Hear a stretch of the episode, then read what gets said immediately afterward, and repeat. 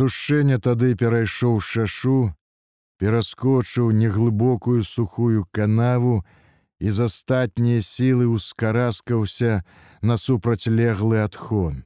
Ззаду і на дарозе ўсё было ціха. У тумане яго не маглі згледзець здалёк, а зблізку не было нікога. Па гэты бок ад шашы хвой ужо не было. Адразу за тэлеграфнымі слупамі, сякім такім хмызам унізе пачынаўся нешырокі сенакосны прасцяг. Воддаль за якім у тумане зноў шарэла кустоўе. Там ведаў сушэння цякла рэчка рэса.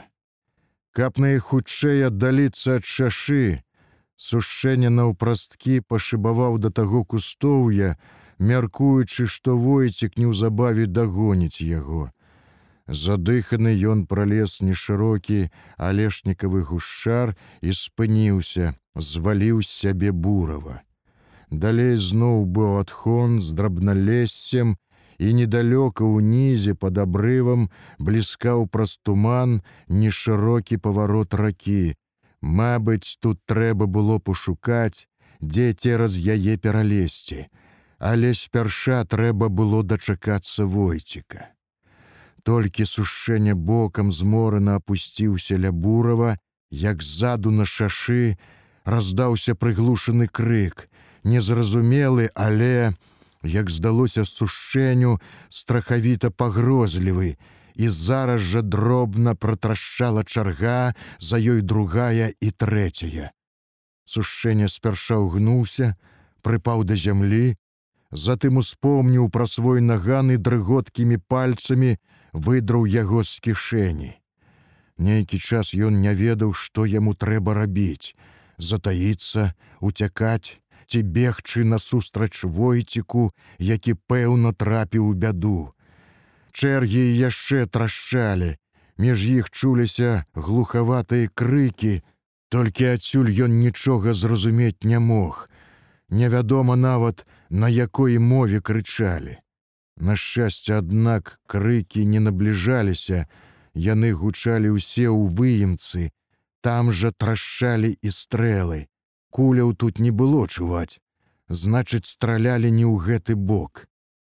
Урэшце сушэння наважыўся і кратком з наганам у руцэ прадраўся праз край алешніку, асцярожна паглядзеў праз хмызняк.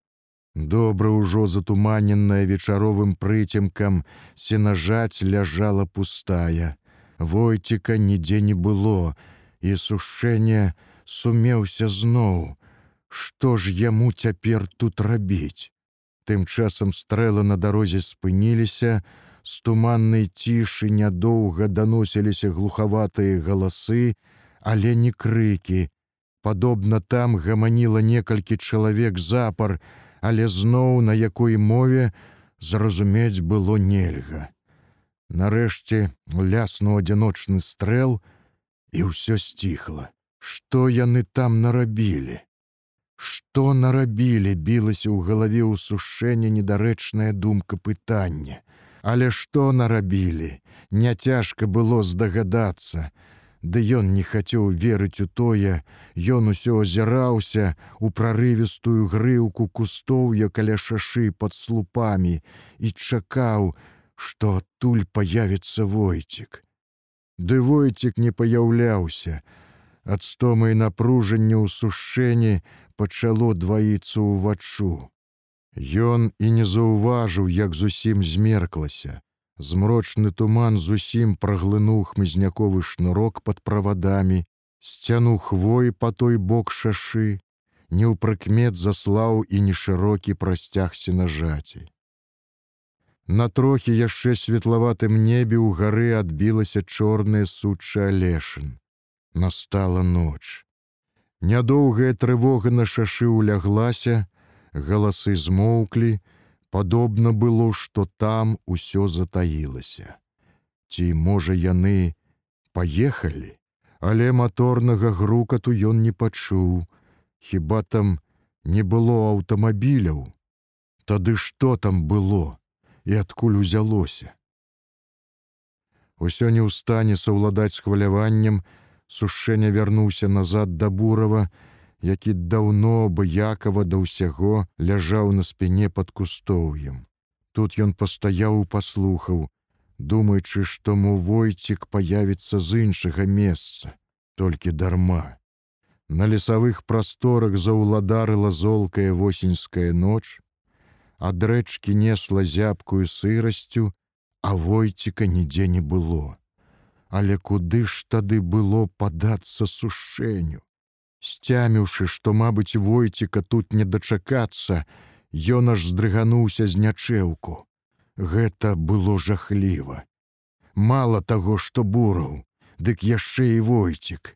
Што ж тады ён адзін без іх, куды ён падасца? Ён выйшаў з кустоўя, ступіў некалькі крокаў па сенажаці паслухаў. Цяпер ужо можна было не хавацца. У змроку начы зблізку няшмат чаго можна было згледзець. Хуткім крокам сушэнне прайшоў па траве ўздоўж кустоўя, перадумаў, пайшоў у другі бок. Увагу яго ўсё цягнула да сябе шаша. Пэўна, трэба было падысці туды. Ён баяўся. Там маглі сядзець ворагі, пільнаваць яго або войціка, калі таму пашчасціла ўцячы. Але тое месца, дзе ён перайшоў шашу і дзе павінен быў перайсці яе войцік, уладарна цягнула яго да сябе, і сушэння наважыўся. Праўда, ён не пабег наўпрост цераз сенажаць, а павярнуў на ўзбоч, даў добрага крука, пакуль абышоў тое злашчаснае месца і ля тэлеграфнага слупа з падпорнай вылез на адхон. Адхон тут быў яшчэ болей высокі, Удзень мусіць дарогу з яго можна было бачыць далёка. Але гэта ўдзень. Цяпер жа ні здалёк, ні паблізу нічога не было відаць. У выемцы, нібы ў праваллі, трохі курэў змрочны туман. Сушэнне прысеў на адхоне, пасядзеў, паслухаў. Пасля з наганам у руцэ, ашчадна, каб не паслізнуцца, спусціўся да шашы, перабег яе па сырым гравію і ўскараскаўся на адхон насупраць. Ніхто яго не ўбачыў, нідзе ніхто не азваўся. Тады ён дужа асцярожна праз кожныя пяць крокаў спыняючыся, пачаў красціся да таго месца, дзе пераходзіў шашу на той бок. І ён болей спадзяваўся на сваё адчуванне, калі шукаў тое месца. Здаецца, недзе тут блізка. Урэшце падумаў ён, добра такі пратупаўшы над адхонам. Ці можа далей? Так разважаючы, ён згледзеў у тумане, ледзьве прыкметны бляск лужаны ўнізе і ўзрадаваўся, зразумеўшы, што пераходзіў менавіта тут. Але што з таго? Войцік мог пайсці іншым шляхам. Усё ж сушэнне прайшоў раз і другі па адхоне, паўзіраўся ў чорныя баравыя нетры паблізу. Нідзе не было нікога. Зрэшты, Войцік мог і ўцячы, ці яны маглі забіць яго і забраць з сабой. Шмат было магчымасцю ворагаў, а вось у яго, здаецца, ужо не засталося ніводнай. Пастаяўшы на адхоне і нявесела разважыўшы, ён за панораным сэрцам пачаў спускацца ўніз. І нечакана ў траве натрапіў нагою на штось мяккае, хапіў рукою і пазнаў то была кепка. Жорсткая суконная кепка з цвёрдым даўгім казырком, знаёмая кепка войціка. Аж спалохаўшыся ад тае знаходкі, ён замітусіўся на адхоне, прабег паўз канавы і ў стаптаным быльнягу ледзьве не наскочыў на чалавека. Цёмнай нерухомай купінай той ляжаў ніцма, і штосьці белае на ім выразную плямай свяцілася ў змроку. Поўзаючы на каленях сушэння абмацаў яго, то быў войцік, і быў ён нежывы. Ужо стаў халодны, як і зямля, на якой ляжаў. Вінтоўкі нідзе не было, паддзёўку з яго, мабыць, здзерлі, гамашы таксама з адной нагой валаклася ануча, другая нага была босая.